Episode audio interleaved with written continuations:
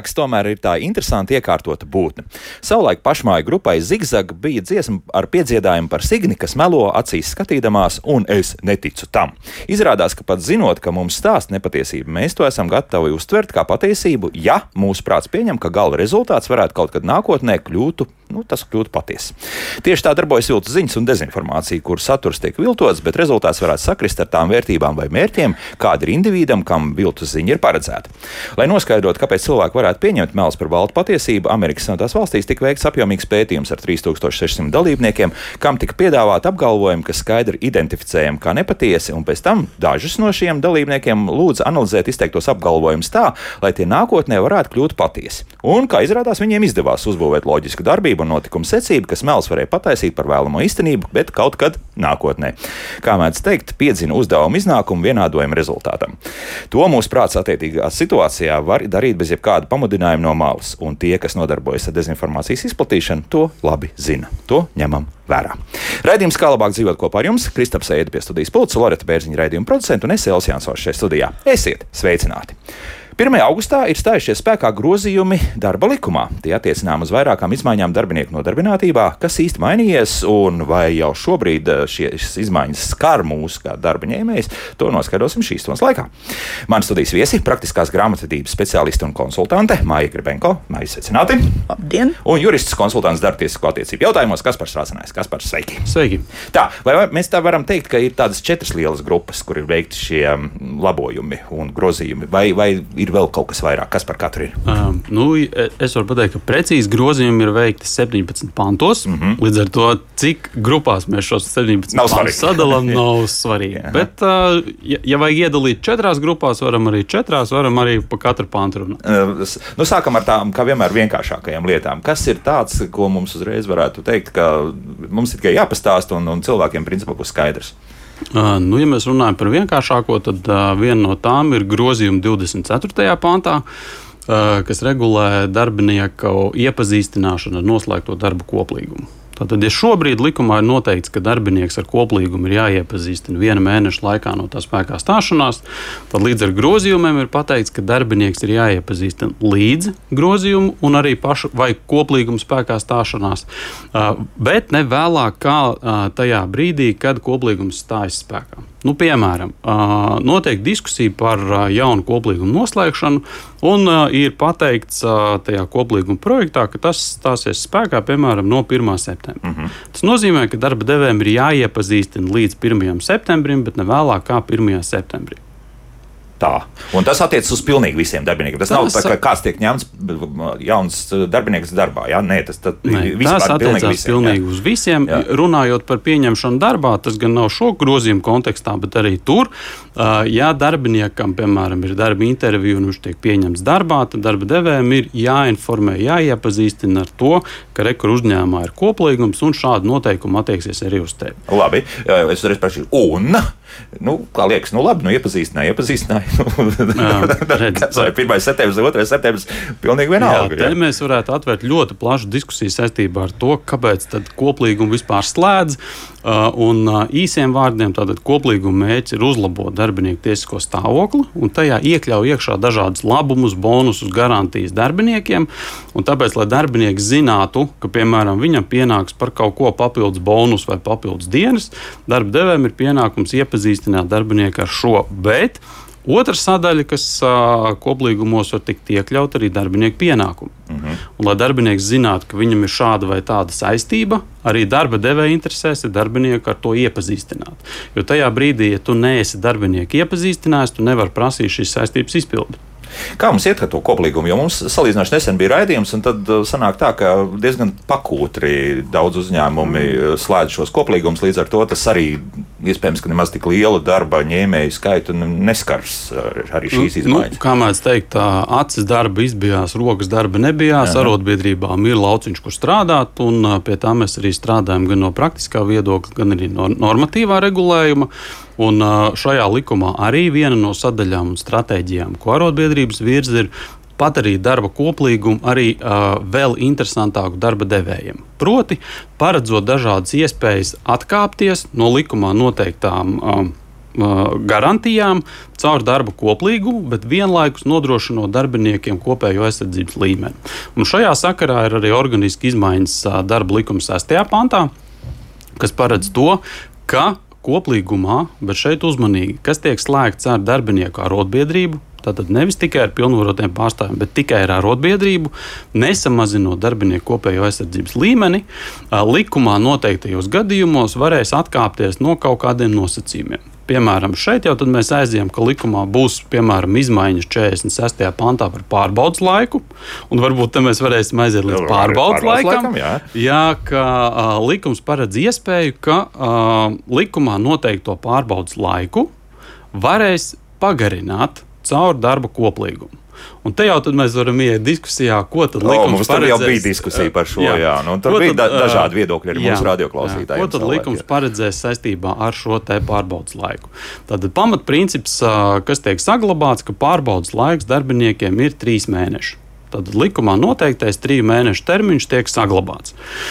Bet likums dod arī iespēju, kā jau minēju, ar šo te, darba koplīgumu nesamazinot darbinieku aizsardzības līmeni, vienoties, ka šo pārbaudas laiku mēs noteiksim sešu mēnešu. Tātad tā ir iespēja, bet tas nenozīmē, ka automātiski tagad darbiniekiem ir jāsatraucās, ka nu, mums būs tagad sešu mēnešu pārbaudas laiks. Ko nozīmē šis nesamazinot darbinieku aizsardzības līmeni? Tātad, ja no vienas puses mēs paredzam tādu tā kā, nu, nelabvēlīgāku nosacījumu, ka pagarinām pārbaudas laiku ar koplīgumu, tad pretī arotbiedrībai ir jāspēj nodrošināt un uzraudzīt, ka tas kopējais darbinieku aizsardzības līmenis tiek saglabāts, proti, darbiniekiem tiek iedots kaut kas pretī, lai tad nu, tās svaru bumbas būtu abās pusēs līdzvērtīgas. Tomēr kaut kas pretī arī ir. Jā, jā. tur ir tā ideja, ka no vienas puses, lai nebūtu tā, ka darba devējs uzspiež uh, vienpusēji nelabvēlīgākus nosacījumus, pretī ir jānodrošina tā kopējā aizsardzības līmeņa saglabāšana. Tas ir saistībā ar šo te, uh, trīs mēnešus, var pagarināt uz sešiem mēnešiem. Otra lieta, kas ir saistībā, un tās jau ir būtiskākas izmaiņas, tiem darba līgumiem, kas tiek slēgti uz noteiktu laiku, ir tā saucamie terminētie līgumi. Nu, piemēram, uz sešiem mēnešiem, gadu vai trījiem gadiem. Tur likumdevējs ir sagradējis, cik garu pārbaudas laiku var noteikt, atkarībā no tā, cik garš līgums tiek slēgts. Proti, ja līgums tiks slēgts līdz sešiem mēnešiem, tad šajā gadījumā pārbauda nedrīkstēs būt garāka par vienu mēnesi. Šobrīd likums pieļāva pie terminētiem līgumiem arī noteikti trīs mēnešu pārbaudas laiku. Tātad Tad šeit no līguma tad sēž uz pārbaudas laiku. Jā, ja pat vairāk. Un šajā situācijā sanāk, ka likumdevējs ir uzlabojis darbinieku tiesisko stāvokli salīdzinot ar to, kā bija. Ja līgums tiek slēgts līdz 12 mēnešiem, tad tur nedrīkstēs būt pārbaudas laiks garāks kā 2 mēneši. Arī šeit mēs redzam, ka likumdevējs ir nācis pretī. Tajā pat laikā ir atvērta durtiņa, ja jūs ar arotbiedrību darba koplīgumā gribēsiet, jūs varēsiet vienoties, ka šo vienu vai divu mēnešu termiņu var pagarināt, bet ne garāk par trim mēnešiem. Tas nozīmē, ka principā no vienas puses likums atkāpjas, dodot iespēju darba devējiem, darbiniekiem uzlabojot šo situāciju, bet dodot iespēju ar koplīgumu atgriezties līdz tam regulējumam, kas šobrīd ir likumā. Aha. Bet to varēs darīt tikai ar arotbiedrības noslēgtu koplīgumu un rūpējoties, lai tas kopējais aizsardzības līmenis tiek saglabāts. Nu, bet, ja tagad darba devējs izdomā ar, ar saviem vecajiem čomiem darba, kas ir attiecībās, teikt, tagad, ziniet, mums mainīsies kaut kādi kadri, bet mēs tagad iztaisīsim tā, ka nu, tie, kas vecie, kas jau labi strādā, runājot par pārbaudas laiku, ja, uztaisīsim viņiem to garo pārbaudas laiku, jums varbūt mēs kaut ko piemaksāsim, bet nu, tad mēs varēsim fleksiblāk rīkoties ar jauniem darbiniekiem. Nu, tāda sarunāšana sarunāšana ar, starp darba ņēmēju un darba devēju nevar notikt uz šī likuma pamata. Starp tagad. darba ņēmēju un darba devēju gluži nē, jo tas, tās izmaiņas tiek veikts darba līgumos, bet Jā. darba līgumos šādi nevar. Bet ir jābūt vienošanās, kā es teicu, darba koplīgumos. Jā, jā. Un te jau būs arotbiedrības atbildība kontrolēt un uzraudzīt, cik godprātīgi šī te, uh, norma tiek piemērota. Bet tas, kas ir jāņem vērā, ka izmaiņas koplīgumā uh, jau tiek slēgtas, uh, tad numur viens, ja arotbiedrība apvieno vairāk kā 50% darbinieku, tad apstiprināšana konferencē nav vajadzīga tad koplīgumu nevajag apstiprināt. Bet, ja arotbiedrībā ir mazāk kā 50% darbinieku, Tad koplīgums tāpat ir darbinieku kopsapulcē jāapstiprina. Un, ja darbinieki redzēs, ka tas koplīgums aizgājis vienos vārtos, viņi jau neapstiprinās šādu koplīgumu.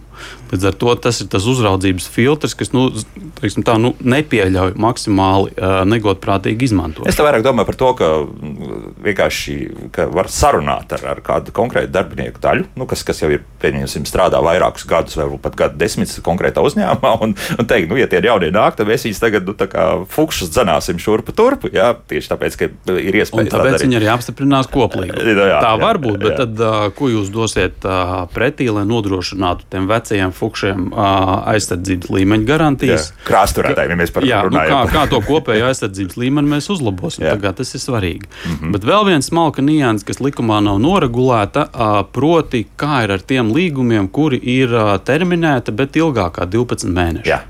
Tad šajā gadījumā tas skaidrojums no mūsu puses varētu būt tāds, ka mēs atgriežamies uz standarta regulējumu šiem gadījumiem, proti, pārbaudas laiks maksimums trīs mēneši.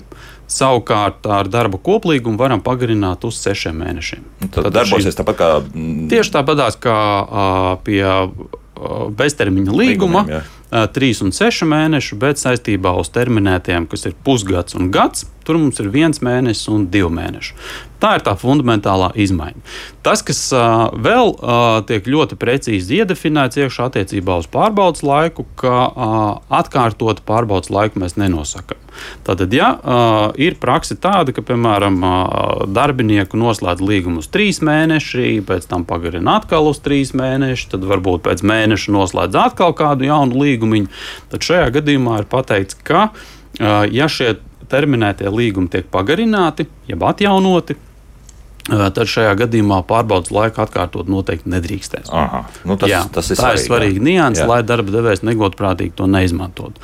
Vēl viena lieta, ka, kam es gribētu vērst uzmanību, kas gan likumā skaidri nav noteikti, jo formāli uh, termiņu atjaunošana, jeb līguma pagarināšana nozīmē, ka starp līgumiem ir uh, mazākā 60 dienas starpā. Tātad, mm -hmm. ja ir uh, līgums 1. septembrī, pēc uh, trijiem mēnešiem. Uh, Atkal nu, decembrī pieņemsim. Uh, nu, nē, starp, tātad posms starp uh, pirmo līgumu, kurš izbeidzas 1. septembrī, Jā. un, ja noslēgto nākamo līgumu ir vairāk kā 60 dienas starpā, piemēram, nu, nākamā gada janvārī, Jā. tad uh, formāli šī norma neatiecas. Tas ir nu, gramatiski, ja mēs skatāmies. Tajā pat laikā tas mans klasiskais piemērs, nu, ja mēs katru gadu, piemēram, uz apkurses sezonu o, ņemam vienu un to pašu kurinātāju jau 25 gadus, nu, tad godprātīgi man šķiet nebūtu pat ja starp līgumiem ir vairāk kā 60 Bet dienas. Katru reizi viņam laiku, tagad jā. 20 gadus pēc kārtas nosakām pārbaudas laiku. Jā, un tas uz sezonas eh, strādniekiem arī, tāpat kā uz kurinātāju, lauksaimniecību arī varētu attiekties. Jā. Jā, jā. Tā, tā, protams, ir mana interpretācija jā. par likumu godprātīgu piemērošanu, mm -hmm. jo, ja mēs skatāmies gramatiski, tur ir šaura runa par tām 60 dienām, bet es aicinātu tomēr skatīties nu, plašāk uz šo jautājumu, to, kāda ir jēga šai pārbaudas noteikšanai. Nu, lūk. Tas ir īsumā būtiskākais par šiem pārbaudas laikiem. Skaidrs, labi.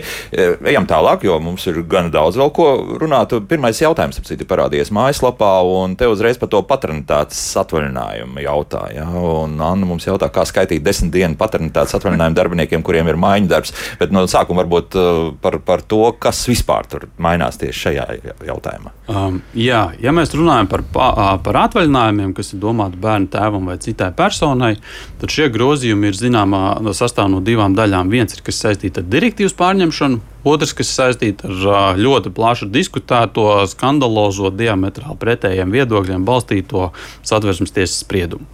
Tad, tas, kas saistīts ar direktīvu, numur viens. Šobrīd likums paredz, ka paredzēja, ka šis desmit dienu atvaļinājums ir desmit kalendāra dienas. Un šīs atvaļinājums ir jāpieprasa ne vēlāk kā divu mēnešu laikā pēc bērna piedzimšanas. Ar šiem grozījumiem tātad būs tiesības uz desmit darba dienu atvaļinājumu, un šeit māja droši vien izskaidros, kāda ir atšķirība starp kalendāra dienu un darba dienu. Savukārt, pieprasīt varēs ilgākā termiņā, ne vēlāk kā sešu mēnešu laikā no bērna piedzimšanas. Mm -hmm. Tas ir numurs viens. Savukārt, otrs, otrs grozījums, kas ir papildināts, ja bērna paternitāte nav atzīta vai noteikta, vai bērna tēvs ir miris, arī tādi negatīvi gadījumi var gadīties, vai bērna tēvam ir pārtrauktas aizgādības tiesības tad šajā gadījumā māte var norādīt arī citu personu, kurai būtu tiesības uz šo te, desmit darba dienu atvaļinājumu. Un šis ir zināmā mērā. Nu, Tā, diezgan paplašināts satversmes tiesas sprieduma tvērums, uzlabojot darbinieku tiesisko stāvokli, kā vairāk plašākos gadījumos bērna māte varēs norādīt, kurai personai tad ir tiesības uz šāda veida. Atvaļinājumu. Nu, visdrīzākais homis vai, vai citādi, ja to varētu izmantot. Nu, vai kāds cits tos ģimenes loceklis, jā. Jā, kuru tad, uh, kurš aizstās, piemēram, tēvu, kurš ir uh, miris. Jā. Mm -hmm. nu, tā, tādas situācijas arī var gadīties. Jā, tā, Maija, vai, vai tiešām ir tik sarežģīti starp Oi, šīs dienas skaitīšanu? Sarežģīti, bet vieglāk par vieglāko tā var pateikt. No, no. Tas ir vienkārši pārbīdī, akcenta pārbīdīšana. Ko nozīmē desmit kalendāra dienas? Pamatā to apmaksā tātad sociālais dienests, un apmaksājot tās desmit kalendāra dienas, tas nozīmē, ka nedēļa un sestdiena un svētdiena arī ir iekļauta. Ja? Un, um, lieta ir tāda, ka uh, parasti cilvēki darba vietā, viņi, um, viņiem tiek rēķināta vidējā izpeļņa. Vidējā izpeļņa par nostrādāto stundu vai dienu. Soci rēķina savādāk. Viņi rēķina uz kalendāro dienu. Ja? Un tāpēc viņi arī apmaksā gan darba dienas, gan arī tās brīvdienas. Arī iepriekšējā variantā, eh, kad bija tās desmit kalendāra dienas, nebija aizliegts ņemt to atvaļinājumu daļi, eh, pa, pa gabaliņam. -hmm. ja? Tātad tas nozīmē, ka es tāpat varēju paņemt no pirmdienas līdz piekdienai, un nākamnedēļ no pirmdienas līdz piekdienai, un varēju arī pa vienu dienu. Tas nebija aizliegts. Tas ir vienkārši komunikācija ar vidu, kad grāmatvedim jāizsūta tā saucamās ziņas par darba ņēmēju, eh, kad viņam tas pie, tā, sākās 90. Kods. Tas nozīmē, ka sākās tas atvaļinājums un 91. ka viņš ir beidzies. Ja? Tā tad no apmaksas, apmaksas ziņā iten nekas nav mainījies. Mm. Nu, bet šeit, ko to, ko mums Anna jautā, kā tad skaitīt, jo tad redz tas maiņu darbs, un vai tās būs desmit darba dienas pēc darba grafika? Nu, gramatiski desmit, ne, ne pēc grafika, kā viņam patīk. Un, un tagad, ir, jā, tur. Jā, un tagad mm, man ir sociālās dienesta skaidrojums šajā jautājumā, kad grāmatvedis, nu, vienīgais, vienīgā būtiskā atšķirība ne divos mēnešos, bet sešos mēnešos to mm. var izmantot tas, tas nosacītais tēvs, jā, vecā vecākais numur, vecāks numur divi. E, un, e, Ta, tas ir vienīgā atšķirība, kas tik tiešām spēlē lomu, e, bet kaut kāda doma paslīdēja. Bet katrā gadījumā ir tā, ka tur nevajadzētu uztraukties. Jā, vienkārši ir jāņem, jāpieprasa šis atvaļinājums. Un, Redz, kas pa joku. Tagad skaidrojumi, nu pat cik es lasu visu, ko iesaka, skaidrojumi attiecās uz to, ka jāapmaksā darba dienas, ka tam cilvēkam bija jāstrādā. Un tagad man jautājums tīri praktisks. Es aizsūtīšu to 90. kodu, kad viņam sākās atvaļinājums. Bet man jāuzrāda to nu, periodu no pirmdienas līdz piekdienai. Tas ir visvienkāršākais. Bet ja viņš strādā pirmdien, trešdien un piekdien, kādā veidā tai, um, tās ziņās es uzrādīšu, jo tas iet caur EDS. -u vai EDS sapratīs, ko es viņam dodu. Tad tā joprojām ir vidu problēma. Vairāk tad valsts ieņem dienas nevis. Nu, tā uh, visa organizācija, ja? DSA, jo cilvēks, nu kā, viņi taču uh, trīs uz nedēļas laikā nesūtīs, ja? Jā. ka pirmdien, trešdien un piekdien, jo soci nezina darba dienas manas. Es varu vis visādi strādāt. Ja? Es sāku domāt, varbūt ar Annu domāt tur to slīdošo grafiku, ka tu arī strādā pusaules sestdienās un svētdienās ik pa brītiņam, ja? un, un tad kaut kā tur mainās tā, tā rēķināšana vai nē. Nu, tā ir viņa darba diena. Jā. Tā viņa darba. Man interesē praktiski, kā tas ies caur EDS. Jo mums bija ļoti daudz, tā, nu, nu, pietiekoši daudz tādi gadījumi, ka vidam bija jāatvainojas, ka mums kaut kas ir jāpielabo. Ja? Tā tad nu, neiet kopā tie to likuma risinājumi ar to praktisko pusi. Bet tāpēc būtības es saku, visu var atrisināt, ja tas būtu tā kopā. Jo tas, kas mainīts darba likumā, tas ne, nenozīmē, ka arī maternitātes un slimības apdrošināšanas likuma tur ir jābūt grozījumam. Kur Tag, nav? Jā, nē, ir. ir, à, ir, jā, ir, ir, ir, ir. Ka citādi tas nestrādās vispār. Jā, jā. Nē, bija, arī, jā. bija arī tādi gadījumi. Tad mūsu klausītāji principā nevajadzētu uztraukties. Nē, jā. nē, nē, nē. Kā viņi uzrādīs to periodu, tā viņi arī maksās. Bet tikai pat cik tas tikai sākums, man nav prakses, kā tas īstenībā notiek. Aha. Jo es zinu, kad es pati cīnos par kaut kādiem jautājumiem, tad tas mēnešiem aiziet. Vieni par ienākumu nodokli, otri par socu, ja, bet kā viņu kopā izdarīt? Ja? Viens neatbild par šito, otrs neatbild par šito. Nav ko kautrēties, nav ko kautrēties. Rakstiet, uz, uz tām eh, vidām ir saraksti ar vidu. Šodien viņi ļoti eh, ātri atbild. Sociiem arī ir VCAA. Jā valsts sociālās apdrošināšanas aģentūra. Jā, jā, sociālajiem maksājumiem. Jā, jā, jā. Tas jā. ir vairāk viņa kompetence. Tā jā. vēl viens svarīgs nianses, ko vajadzētu šajā kontekstā saprast, ka tas jaunais regulējums, desmit darba dienas un sešu mēnešu pieprasīšanas periods attiecās uz tiem bērniņiem, vecākiem, kuriem bērniņi ir dzimuši jā, šogad. no 1. augusta. Jā, tātad, ja bērniņš ir piedzimis līdz 31. jūlijam, tad atbilstoši pārējais noteikumiem tiek piemērota vecā darba likuma redakcija. Nu, mm -hmm. Vecā salīdzinoši, kas bija pirms uh, grozījuma spēkā stāšanās. Tātad šis jaunais regulējums, desmit darba dienas, seši mēneši, tas ir tikai tiem vecākiem, kuriem bērni dzimst pēc 1. Uh, augusta. Nu, praktiski jaundzimušie nu, burtiski, nu, kuriem nu, jau uh, mēnesis vēl nav. Jā, jā, jā, jā, un, un, nu, lūk, un, un savukārt, attiecībā uz to pārbaudas laiku, nedaudz palicot apakaļ, jā. tur arī, pa, uh, tur arī ir. Uh, Pārējais noteikumi, kas paredz, ka piemēram, šis jaunais regulējums neietekmē jau nodibinātās attiecības.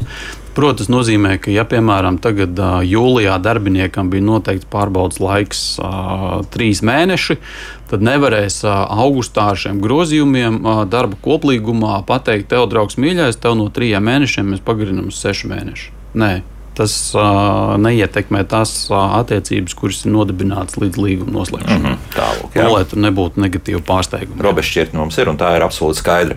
Vēl ātri šajā pusstundā Agnēs jautājumu pielikšu klāt. Kā darba devējs var uzzināt, cik liela daļa darbinieku ir arotbiedrībā, ja darba devējiem nav tiesības šo informāciju prasīt darbiniekiem?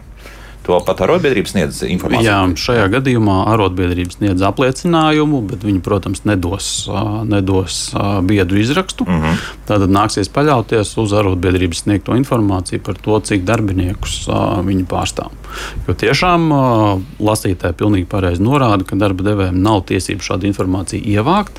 Un arī arotbiedrībai nav tiesību šādu informāciju tālāk izplatīt, jo tā ir sensitīva informācija. Ja radīsies strīds, tad, protams, tālāk to jau varēs risināt tiesā, bet sākotnēji tas ir apliecinājums. Un, ja darba devējs bāžas deguna iekšā, arotbiedrības lietās. Mm, ja darba devējs bāž iekšā, tad vajag uzšaut pa knipi, lai nedaudz asiņo. nu, jā, labi. Nu, labi. Laiks mūzikai. Pēc mūzikas turpināsim. Uzklausīsim arī klausītāji, ja būs tādi zvani. Un arī droši rakstiet mājaslapā, darbojas Latvijas radio.cl. Tur tālāk jāatrod radio viens un raidījumu, kā labāk dzīvot. Ja ir kaut kas neskaidrs, rakstiet droši. Laiks jūsu jautājumiem. Tālruņa studijā 6722, 888, un 6722, 55, 99.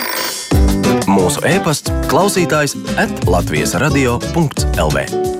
Bet elektroniski vislabākā saskarsme tomēr mums ir mūsu mājaslapa Latvijas radio.cl. Tur tālāk jāatrod radio viens un raidījumu, kā labāk dzīvot. Šodien mēs runājam par izmaiņām darba likumā, kas ir stājušās spēkā 1. augustā. Praktiskās grāmatvedības speciālisti un konsultanti Māja Grebenko un jurists konsultants darba tiesisko attiecību jautājumos Kaspars Rācinājs kopā ar mums. Un mēs joprojām turpinām par atvaļinājumiem. Jā, tur ir vēl vairākas uh, nianses, kas būtu jāzina sevišķi mūsu jaunākajiem radioklausītājiem, jā, kuri nu, tā pēc gadiem. Nu, pēc 20 un uz augšu. Jā. Um, jā, un viens no tiem ir saistīts uh, ar um, jaunu atvaļinājumu veidu ieviešanu. Nu, ja mēs tā skaisti nodefinējam, viņš saucas aprūpētāja atvaļinājums, bet uh, pantu ziņā viņš ir uh, ielikts iekšā tur, kur ir tie saucamie bezalgas atvaļinājumi. Mm. Tad tiek papildināts ar jaunu nosacījumu, ka darba devējam šeit uzmanīgi būs obligāts pienākums piešķirt darbiniekam piecas darba dienas gadā tā saucamo aprūpētāju atvaļinājumu. Un tas ir bez darba samaksas saglabāšanas. Tad daudz ir jautājuši, kāda jēga vai tad nepietiek ar parasto bezalgas atvaļinājumu. Jā. Un te atbilde ir gaužām vienkārša. Tātad bezalgas atvaļinājuma piešķiršanas pienākums ir tikai likumā noteiktajos gadījumos. Savukārt, pārējās situācijās, ja jūs neietilptat šajā likumā norādītajās kategorijās, tā ir darba devēja tiesība. Tas, ka tu gribi nedēļas ceturtdienu, piekdienu paņemt divas bezalgas atvaļinājuma dienas, darba devējam nav pienākums tev šādas piešķirt. Ja vien tu neatbilst likuma nosacījumiem, nu, lūk, un tagad tiek papildināta ar nosacījumiem, ka šādas piecas darba dienas būtu jāpiešķir tiem darbiniekiem, kuriem nepieciešams personīgi aprūpēt. Un šeit būs uzskaitījums laulātais, vecāki, bērni vai citu ģimenes locekļi. Uh, ja viņiem ir medicīniski iemesli dēļ nepieciešama būtiska aprūpe vai atbalsts. Un, uh, tieši tāpat arī būtu jāpiešķir, ja nepieciešams aprūpēt personu, kur dzīvo ar darbinieku vienā maisaimniecībā, un arī kurai nepieciešama medicīniski iemesli dēļ būtiska aprūpe vai atbalsts. Mhm. Nu, lūk, Tātad vienkāršiem vārdiem šī ir direktīvas prasība, apzinoties to, ka, kā droši vien minēja, kāpēc jaunāka gada gājuma, ka mums ir vecāki, vecvecāki vai citu ģimenes locekļi, kuriem veselības problēma, bet tas nebūtu nenozīmē, ka tie ir obligāti veci. Jo var būt problēmas arī ar bērniem, ko arī šī likuma norma paredz, vai cits tūs ģimenes loceklis, piemēram, brālis. Ja, arī šajā gadījumā, ja ir būtisks veselības problēmas, tad uh, var prasīt šo bezalgas atvaļinājumu piecas dienas gadā, un darba devējiem būs pienākums piešķirt. Uh, praksē ir bijuši jautājumi, nu, ko tad nozīmē būtiska aprūpe. Uh, atbilde būs uh, nu, neteikšu gluži vispārīga, bet jāskata katra konkrētā situācija, jo likumā nav nodefinēts ne diagnozes, nekas cits. Tātad faktiskie apstākļi ir tādi, ka šī persona par sevi parūpēties nevar, ir nepieciešama būtiska aprūpe vai atbalsts, un tad nu skatāmies katru konkrētu situāciju. situāciju. Es te gribēju tagad no otras puses paskatīties, nu, ja kāds ļaunprātīgs darba devējs vēlētos, teiksim, mammas, kurām nu, bērns slimo šādi aiziet šādā bezalgas atvaļinājumā pēc būtības, nevarētu tur veidoties tāda situācija. Vai tur tomēr, ja, ja nav noteikts diagnozes, pieņemsim, nu, bērns slimo kaut vai gripa, nu, bet, bet jāpaliek kopā ar, ar četrgadīgu bērnu mājās, un tad ir, nu, ziniet, um, nu, jā, redzi, jā. Ar, ar ļaunprātīgu izmantošanu, protams, nevar izslēgt situācijas, var būt visādas, bet tas, kas ir jāsaprot, tā darba devēja aizdzīšana bezalgas atvaļinājumā, nu, jums, mīļie darbinieki, ņemat vērā, jums ir jāuzliek tas paraksts, ka jūs prasat šādu atvaļinājumu piešķiršanu. Ja jūs paši būsiet uzrakstījuši, ka jūs šādu atvaļinājumu pieprasat, vai tas būs darba devējs piediena rezultātā, nu, jūsu paraksts ir uz šī dokumenta. Uh mhm. -huh. Pēc tam jums būs gaužām liels strīds un problēmas pierādīt, ka tie ir bijuši maldi, viltus, spaidi. Kā rezultātā šāds dokuments ir parakstīts, tāpēc esam uzmanīgi, ko jūs parakstiet. Kamēr jūs savu parakstu neesat uzlikuši uz šādu atvaļinājumu pieprasīšanas, darba devējs nekur jūs aizdīt nevar. Skaidrs, tīri teorētiski. Viņam nav arī izdevīgi sūtīt. Kāpēc? Tāpēc, ka ja bērns slimo, tad tos uh, darba devējs neko nemaksā. Tāpēc, viņam. ka to jau maksā no maksā sociālajām iemaksām. Jā, viņam, jā, jā nekāds... ja bērns slimo, piemēram, divi mēneši, vai tad sociālajie maksā ilgstoši bērnu slimošanu. Kas tad Līdz notiek? 21 dienai no, viņi maksā. Jā. Tā ka nu, tādas situācijas varētu veidoties. Ja? Nu, tur mm. nav gluži bez pamata. Nu, viss, kas var veidoties. Ja? Mums cilvēki ļoti izdomas bagāti. Ja, teiksim, nu, bet arī spiestā kārtā. Bet saistībā ar šo atvaļinājumu svarīgi nianses ir kaut arī likums paredz piecas darba dienas gadā. Likums paredz iespēju, ka tās var arī dalīt. Tātad arī pa vienai dienai, tātad piecas reizes gadā izmantot šādu atvaļinājumu. Dalīšana sīkāk par stundām, tīri teorētiski abas puses tam piekrīt. Varētu, varētu piekrist, bet nu, likuma konstrukcija ir vairāk domāta uz darba dienām. Līdz ar to mēs vienkāršiem vārdam dalām piecās, piecās daļās. Mm -hmm. nu, bet, principā, tas ir tās piecas dienas, nu, plus vēl brīd, nu, tā ir nedēļa visdrīzākais domāt, jā, tā pamata pamatā. Jā, jā. Visdrīz, jā. Uh, vēl kas man ienāca prātā, nu, vai tiešām mēs varam pirmdien no rīta sāpušu galvu pamostoties, pateikt, ka es tagad izmantošu bezalgas atvaļinājumu dienu. Uh, pamatoties uz šo iemeslu, jo man te kāds ir jākopja. Jā. Nu, piemeklējuši pantu. Nu, pašam galvu nesāpēs, pašam, bet jā, jā, jā, jā. Nu, lūk, šajā situācijā nu, droši vien es aicinātu līdzīgi tāpatās kā ar donoriem, uh, donoru dienām, nu, esam godprātīgi un šīs situācijas neizmantojam arī no darbinieku puses ļaunprātīgi.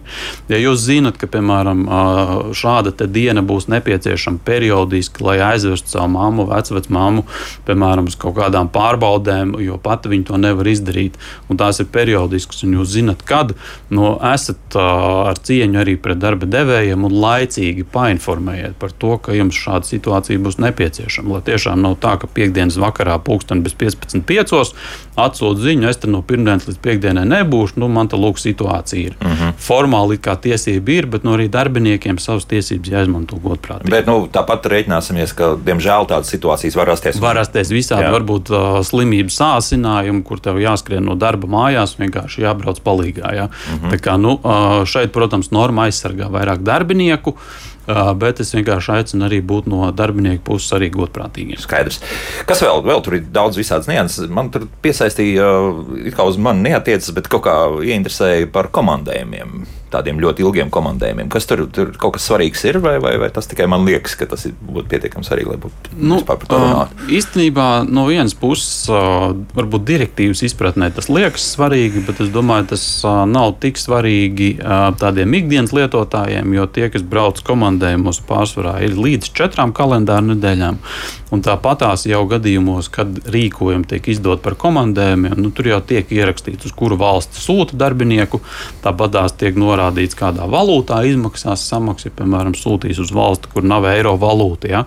Nu, plus tas, ko likums paredz, vienkārši, ka tagad būs pienākums to ietvert iekšā kā obligātu informāciju. Tātad gan valūtu, kā izmaksā, gan dažādi naudas pabalsti, tie tiks izmaksāti kā arī repatriācijas iespējas un kārtība, ja tāda tiek nodrošināta. Mm -hmm. nu, lūk, kā, nu, es domāju, jau šobrīd uh, normālos uzņēmumos, kur tiek dot rīkojumi par komandējumiem, nu, šī informācija nu, lielākoties jau ir iekļauta iekšā. Tā, kā, tā ir vai, sakārtots. Nu, tur jā. ir jābūt jau sakārtotam. Līdz ar to es domāju, ka tas noteikti nebūs uh, tāds sloks, kas darba devējs varētu ļoti satraukt. Mm -hmm. Labi, kas, kas vēl tāds, ko noteikti mums ir jāpastāst? Nu, vēl mums interesanta lieta ir saistībā ar uh, darba līgumā iekļaujamo informāciju. Un šeit arī uzreiz svarīga nianse. Tā informācijas grozīšana un iekļaušana tā vairāk attiecās uz jaunajiem līgumiem. Savukārt uz tiem līgumiem, kuri jau ir noslēgti, šāda informācija darba devējiem būtu jāsniedz tikai tad, numur viens, ja darbinieks to pieprasa. Un tad arī divi varianti. Vai nu darba devējs uh, noinformē, kas arī direktīvas galvenais mērķis, lai darbinieks būtu informēts. Otrs tiek pieļaut iespēja arī grozīt darba līguma nosacījumus. Nu, piemēram, ja mēs skatāmies, kādas ir šīs norādāmās ziņas, kurām būtu jābūt iekļautām, piemēram, saistībā ar uzteikuma kārtību. Tātad darba devējs var uh, iedot likumā, uh, var, uh, var iedot tādu skaidrojumu, kāda tad būs uzteikuma kārtība, ja mēs izdomāsim izbeigt darba attiecības. Š, līdz šim uh, darba likums to neprasīja. Nu, tad, ja darbiniekam tagad interesē, nu, kā tad jūs gatavojaties mani kādreiz atlaist, nu, tad darba devējiem būtu jāsniedz vai nu informācija, vai arī līgumā var ierakstīt šādu te, uh, norādi. Tas, kas varbūt vairāk uh, varētu interesēt, ir tāds diezgan sarežģīts terminoloģiski. 13. punktā norādīts, ka līgumā ir jānorāda sociālā nodrošinājuma iestādes, kuras saņem sociālās iemaksas, kas saistītas ar darba attiecībām un tā tālāk. Vienkāršiem vārdiem tā ir vienkārši atsauce uz valsts sociālās apdrošināšanas aģentūru, ka tā ir tā institūcija, kurā darba devējs. Uh, vai šīs sociālās iemaksas. Nevis uz kaut kādiem pensiju fondiem vai kas tamlīdzīgs. Jā, jā, jā, jā, te bija nākamā daļa, ko es jā. it kā apzināti izlaidu, bet, ja pieskārās, tad jā, arī, ja darba devējs veids kaut kādos privātos pensiju fondos, tad lai darbinieks zina, kur šīs iemaksas aiziet, kur viņam pēc tam interesēties, vai tas tiešām ir un kādos apjomos, darba devējiem par to ir jāinformē. Mm -hmm. nu, lūk, no vienas puses es ļoti ceru, ka lielākā daļa darbinieku jau tāpat zina, ka sociālai ir atbildīgi par sociālajām iemaksām. Nu, tas nav, piemēram, jāvēršās tur valsts policijā, lai noskaidrotu šādu informāciju. Ja? Nu, līdz ar to es ceru, ka tā vairāk tāda deklaratīvā vai, vai, vai maz formāla izmaiņa, bet, ja nu, tomēr kāds nezina, nu, tad šis darbiniekiem arī palīdzēs. Bet vēl viena nianses, kas, lai darba devēja nesabaidītos, ka tagad jāgroz būs visi līgumi un garie penteri būs. Likums pieļauj arī, ka šīs izmaiņas, tās papildus informācijas, kas ir jāsniedz, ka tās var iedot ar atsauci vai nu uz uh, likumu, Tātad pasakot, ka reku darba līguma uzteikšana ir atbilstoša darba likuma tādam, tādam pantam, vai, piemēram, pārbaudas laiks atbilstoši 46. pantam, vai uh, Viss kaut kas cits. Nu, tieši tāpatās, ja šie jautājumi tiek regulēti darba koplīgumā vai darba kārtības noteikumos, tad arī tur var aprakstīt to plašo procedūru, Un tad līgumā vienkārši iedot atsauci uz darba koplīgumu, ka uzteikuma kārtība, pārbaudas laika vai tiesību uz apmācībām regulējums ir iekļauts darba kārtības noteikumos tādā un tādā sadaļā. Ja koplīgums, protams, ir. Jā, jā, jā, jā, un, jā. vai darba kārtības noteikumi. Nu, ja nebūs, nu, tev līgumā tas būs jāraksta. Mm -hmm. nu, līdz ar to darba devējiem pašam jāizvērtē, kas viņam ir ērtāk un, un izdevīgāk. Cik smalkiem burtiņiem tālāk viss šajā līgumā jāsaraksta. Jā. jā. Vēl viena nianses, kas var aizsīt nedaudz tādus pārpratumus, likumā ir ierakstīts, ka darba līgumā būs jānorāda to, ka darbinieks var brīvi noteikt savu darba vietu. Bet šī ir tāda nianse, ka tas nenozīmē, ka tagad visiem darbiniekiem ir tiesības pieprasīt, uh, lai viņiem tiek nodrošināta iespēja pašiem noteikt savu darba vietu. Nē, nebūtu. Nē. Tā ideja ir tāda, ka ja jūs vienojaties par to, ka darbinieks, piemēram, pats, nu, ja ne visu laiku, tad kaut vai hibrīda variantā, tad, piemēram, divas reizes nedēļā pats var izlemt, no kurienes strādāt, tad šāda te, kārtība ir jāiekļauj darba līgumā. Mm -hmm. Kas pēc būtības, jau arī pandēmijas laikā un arī šobrīd, līdz grozījumiem, ja puses par to gribēja vienoties, vai šādi tad, vienojās, tad tieši tāpatās jau līgumā tas tika iekļauts. Vēl viena interesanta nianses ir saistībā ar gadījumiem, ja darbiniekiem ir noteikts nepilns darba laiks, un Jā. darba grafiks nav pilnībā vai lielākoties paredzams. Es jau jūtu maijas sarkasmu šajā visā. Um, Droši vien varēs iekomentēt, bet tā ideja ir kāda. Tātad, ja ir normālais darba laiks, un mēs varam paredzēt, kurās dienās no cikiem līdz cikiem cilvēks strādā, aizmirstam uz to vispār mums šīs izmaiņas to neskar. Bet, ja darba, grafi, ja darba uh, režīms ir tāds, ka principā nu, tu nezini nākamā nedēļa, kurā dienā uh, tev vajadzēs vai nevajadzēs, un tev ir nepilns darba laiks noteikts, nu, tad šeit vajadzētu sarosīt ausis un paklausīties, ko tas nozīmē.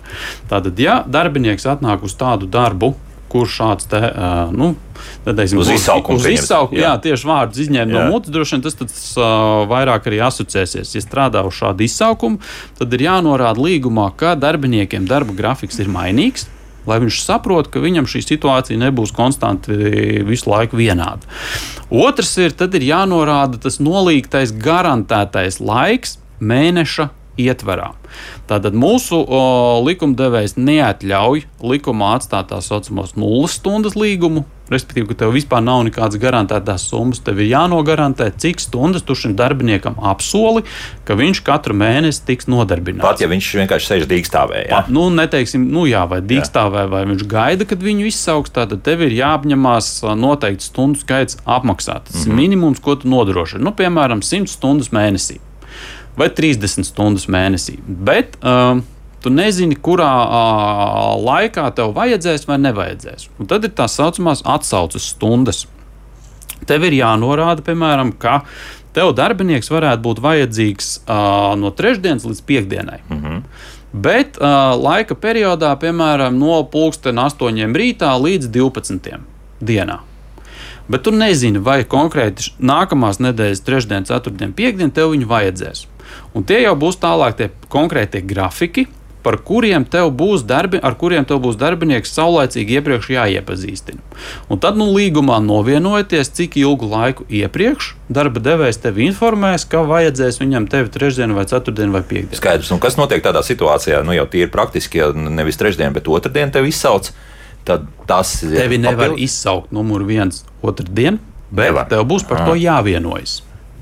Tātad bez ah. darbinieka piekrišanas tev nevarēs ārpus atsauces stundām nodarbināt. Skaidrs, jā. Savukārt, ja tu būsi apsolījis un pateicis, ka darbiniekam piekdienā būs jāstrādā, bet izrādās, tu nebūsi paspējis viņam painformēt, ka tomēr nebūs jāstrādā, tad tev būs šim darbiniekam par to piekdienu jāsamaksā. Jo viņš ir savus citus plānus pakārtojis tam, ka piekdienā viņš pie tevis tomēr strādās. Tas nozīmē, ka praktiski visdrīzākais, ka šāda līguma tiks slēgta, ka no pirmdienas līdz piekdienai nu, kaut kāds tās jā, pašas astoņas stundas būs pilns kā darba laiks. Es gribētu jā. šitam visam uzlikt lielu punktu, pasakot, draugi mīļie, nemaz nemēģiniet šādus trikus taisīt. Kāpēc? Kāpēc?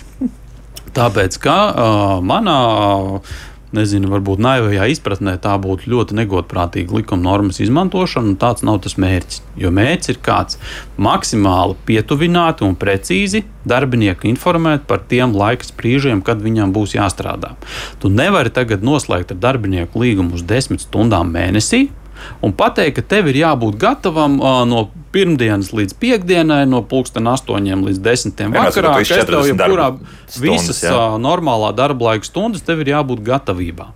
Uh, šādi var iebraukt auzās un problēmās arī ar Eiropas Savienības tiesu. Un, ja teikšu godīgi, man pat būtu sporta pēc ļoti interesanti, ja kāds darba devējs šādu būtu izdarījis, lai darbinieks atnāk pie manis pasūdzēties. Tad, uh, tad mēs aizietu uz tiesu, un, uh, ja vajadzēs arī Eiropas Savienības tiesu, jo tas, ko Savienības tiesa ļoti būtiski skatās saistībā ar tiem saucamajiem dežūru ga, da, darba gatavības laikiem, vai tas laiks, ko darbinieks pavada gaidot, ka viņu izsauks, kad tas ir uzskatāms kā darba laiks un kad ir kā atpūtas laiks. Skaidrs. Bet tagad klausies, kas par tādā gadījumā, nu, ja pieņemsim, tā situācija mainās un pēkšņi tad vairs tā piekdiena nav aktuāla, tad ir jāpārslēdz jauns darba līgums līdz ar to. Nē, tev vienkārši ir jāin, jāinformē. Informācija, jā, tā jā. ir informēšana. Jā. À, bet nē, doma jau vispār konceptuāli vairs turpmāk piekdienās nevajag. Nu, jā, piekdienās jā, nevajag, to ir jāvienojas. Jā, jā, Protams, jaun, jā. jaun vienošanās, jā, nu, tā, tas ir skaidrs. Jā.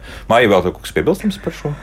O jā, tas ir ļoti veca vēsture, kad eh, pār pa desmit gadiem atpakaļ vienā juridiskā kon eh, konferencē, kur Kaspars arī piedalījās, es mēģināju mm, nu, tā teiksim, paskaidrot, eh, ka ši, šāds laiks, kur cilvēks nenodarbojās nu, regulāri un, vienajās, un vienās un tā, tajās pašās stundās, ka tas no apmaksas ziņā, ziņas tas ir summētais arī nepilnais darba laiks. E, pašā sākumā tas bija pieņemts, bet ar laiku sāk parādīties tādi komentāri, ka nav tāda summētā nepilna darba laika. E, kāpēc nav? A, tāpēc, ka likumā viņš nav definēts. Nu, tad e, es varu piedāvāt, paskatīties, cik reizes tas likums ir grozīts un arī būtiski grozīts. Ja? Un arī šodien prasās daudzas normas precizēt, un paskaidrot un papildināt. Nu, beidzot, es sagaidīju to prieku, ka šodien viņš ir definēts. E, kaut gan uzreiz parādās atkal komentāri, ka summētais nepilnais darba laiks, nu, viņš nu, nav, nav viņam tiesības dzīvot dzīvot. Kāpēc es uzstāju, ka tāds ir? Jo viņš dabā ir. Tas ir pirmais arguments.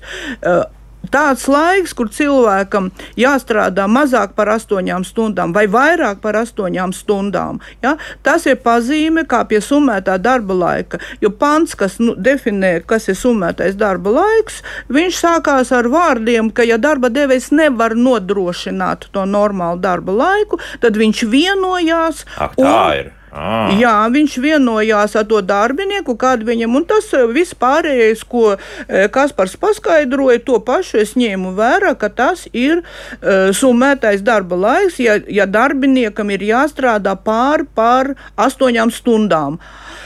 Tāda ir. Dienā, jā, jā, jā, dienā, jā. jā. Nu, es esmu darba devējs, manas intereses ir prioritāras, tāpēc, ka man jānodrošina darbu visu tur kolektīvu un tā tālāk. Es riskēju pazaudēt to biznesu, ja es kaut ko darīšu nepareizi. Un es ar to darbinieku vienojos, ka viņš man būs vajadzīgs, un mēs sarunājam, darbinieks ir apmierināts ar visu to paziņošanu. Iepriekš viss tas būtu kā ierakstīts, viss tas ir saprotami un pareizi. Savukārt tas laiks ir vienlaikus ne nepilns, tāpēc ka darba devējam nav vajadzīgs tas darbinieks uz normālu darba laiku. Viņam ir ik pa brīdim sanāk nu, kaut kādi pasūtījumi, ja, nu, kaut, kādi, kaut kāda biznesa īpatnības, kad viņam tas darbinieks ir. Tiešām vajadzīgs. nav, nav vajadzīgs visas astoņas stundas. Dienā, jā, jā. Nu, nu, man nav, man darba devējs arī ir cilvēks, nav viņam pienākuma visus aplaimot ar normālu darba laiku, lai viņi visi sēž tur, ja, un ik pa brīdiņam viņi sāk tur pastrādā un atkal sēž, tāpēc, ka nav darba. E, nu, lūk, šeit lieta vēl saistīta ar virsstundām, jo, ja tas normālais darba laiks - 8 stundas, tad virsstundas skaitās viena stunda nedēļā plus mīnus. Tā jau, e, ja pārsniedz, tad tas ir virsstundas. Pie summētā darba laika virsstundas rodas tikai mēneša ietvaros. Un līdz ar to, ko tas nozīmē? Nu, tas nozīmē, ka jāmaksā. Nu, parasti saka, dubultā. Piemaksa par darbu, kas ir virsstundu. Un viņam nav virsstundas, tāpēc ka viņš to mēnesi nenostrādā. Viņš tikai šodien nostrādāja 12 à, stundas. Tas summējās kopējais stundu skaits, jā, un tad varētu būt tā, jā, tā tālāk. Tā, ar to normu salīdzina. Ui, kas sarežģīti viss. Ļoti sarežģīti, bet uh, laba žurnālistika paģēra to, ka ir viedokļu dažādība. Tad es atļaušos uzurpēties un pateikt Lūdzu. to, ka es pilnībā nepiekrītu tam, ko Maija ir pateikusi. Nu, izņemot to, ka es varbūt tajā konferencē piedalījos, bet tam viedoklim, ko Maija pateica, es nepiekrītu. Kam tu nepiekrīti? Um, es nepiekrītu tam, ka likums atļauj nepilnu summēto darba laiku. Un es varētu citēt vairākus uh, senāta spriedumus, okay, kur okay. viennozīmīgi Oi, tagad, tagad mēs pārāk sarežģīti visu. Nē, nē, sen, senāts nepie, senātā ir atzīts, ka summētais darba laiks ir tikai uz pilnu laika uh, darbinieku. Vai tā pantā tur ir rakstīts? Jā, uh, senāts to ir atzinis augstākā tiesa vairāk kārtīgi. No, redz, speciālistiem nav pat tas savas vienprātības. Mums ir pēdējā minūte palikusi, bet man, es gribētu pievērsties tas, kas mājaslapā ir rakstīts. Uh, pirmkārt, Dagnija uh, raksta šī vaiprātīgā putrošanās ar terminiem darba dienas un kalendārās dienas. Nu, kaut kā vajadzētu visu to vienkāršāk uztaisīt. Paula mums savukārt raksta, ja darbinieks nav izmantojis atvaļinājumu strādājot puslodzi. Sākot strādāt pilnslodzi un izmanto neizterētu atvaļinājumu par puslodzi vai atvaļinājumu samaksas rēķinu no puslodes vai pilnslodzes. No summas rēķina. Tā, tātad, nu, faktiski no tās puslodes. Jā, nu, Atvaļinājums ja? visiem pienākās četras kalendāras nedēļas nemazāk. Jā, un runa ir tikai jā. par vidējo. Jā, jā. cik tu sapelnīji, tik ne. Un kā interesanti, kas par to rēķinās to vidējo tieši tam summētam nepilnam darba laikam, ja tu noliedz viņa eksistenci. Mums nav. tā, tā, labi. Jūs pēc tam izklausieties ārpus ētera, ja mums ir sekundes palikušas, bet divi jautājumi jāatbild. Ilz vēl jautā, ja tiek piešķirta arodslimība, un es vēlos aiziet no darba, vai man jāstrādā tas viens mēnesis? Ir? Kā tur ir? Nu, ja cilvēks iespējams pat nevar vairāk pastrādāt. Mm, tātad, ja ir ārsta atzinums, kas pasaka, ka tu nedrīkst veikt nolikto darbu, tad darbdevējs nepielaiž pie darba izpildes, un Jā. tā ir dīkstāve. Bet, nu, principā, tas viens mēnesis vēl būs. Nē, nē darba, es saku, jā. nepielaiž pie darba izpildes, ja ir jā. ārsta atzinums. Nu, arots slimība jau nenozīmē, ka tu obligāti nevar veikt darbu. Jā. Bet, ja ir pateikts, ka ārsta atzinums, ka persona nedrīkst veikt nolīgto darbu, tad uh, darba devējs nedrīkst likt viņai strādāt. Nedrīkst, bet galvenais, ja, ja cilvēks vēlas iet prom pats, tad uh, tas nu, mēnesis... uzteikuma termiņš ir viens mēnesis, jā, jā bet šo šajā mēneša laikā darba devējs nedrīkst viņu uh, nodarbināt, ja ārsts ir aizliedzis. Galvenais, lai viņi, ja viņi paliek šajā darba kolektīvā vēl joprojām. Ja? Nu, jā, tā jā. būs kā dīkstāvja mm -hmm. jāapmaksā. Nu, un Andris vēl jautā, vai, lai piesaistītu darba ņēmējus attīstītās valsts uzņēmumi, var veidot savu iekšējo pensiju fondu, kas nav piesaistīts otram vai trešam līmenim bankas, bet balstās uz uzņēmumu, ja uzņēmuma kapitāla atdeve ir augstāka kā bankas, vai Latvijā tas darbojas, vienmēr sakot, ka pašiem ir savs. Vai tas, tas vispār ir darba tiesību jautājums, vai tas ir vairāk jau finanšu jautājums? Mm, vai bija dzirdēts, kad ir jā. savs jā, jā. pensiju fonds. Jā, jā. Nu, tā, ir vis, vismaz viens ļoti bija, lieliem jā. uzņēmumiem. Viņi var to veidot, un es zinu, ka veidoja, bet es tikai neatceros. Tas bija ļoti sen. Ja nemaldos, viens no, to... bija kaut kur tetam, ja kaut kas tāds bija, vai, vai viens no šiem tehnoloģiju uzņēmumiem bija kaut ko tādu uztaisījis. Jā, bet, bet pie mums tā, tā vēl pagaidām nav. Nē, nu. izplatīta praksa. Lūk, tā, ne jau viss izrunājām, bet es domāju, tas svarīgāko pateicām. Uh, ziniet savas tiesības un izmantojiet tās. Praktiskās grāmatvedības speciālisti un konsultanti Maija Grebenko un jurists konsultants darbtiesisko attiecību jautājumos, kas pašs Rācinājums bija kopā ar mums. Kā labāk dzīvot?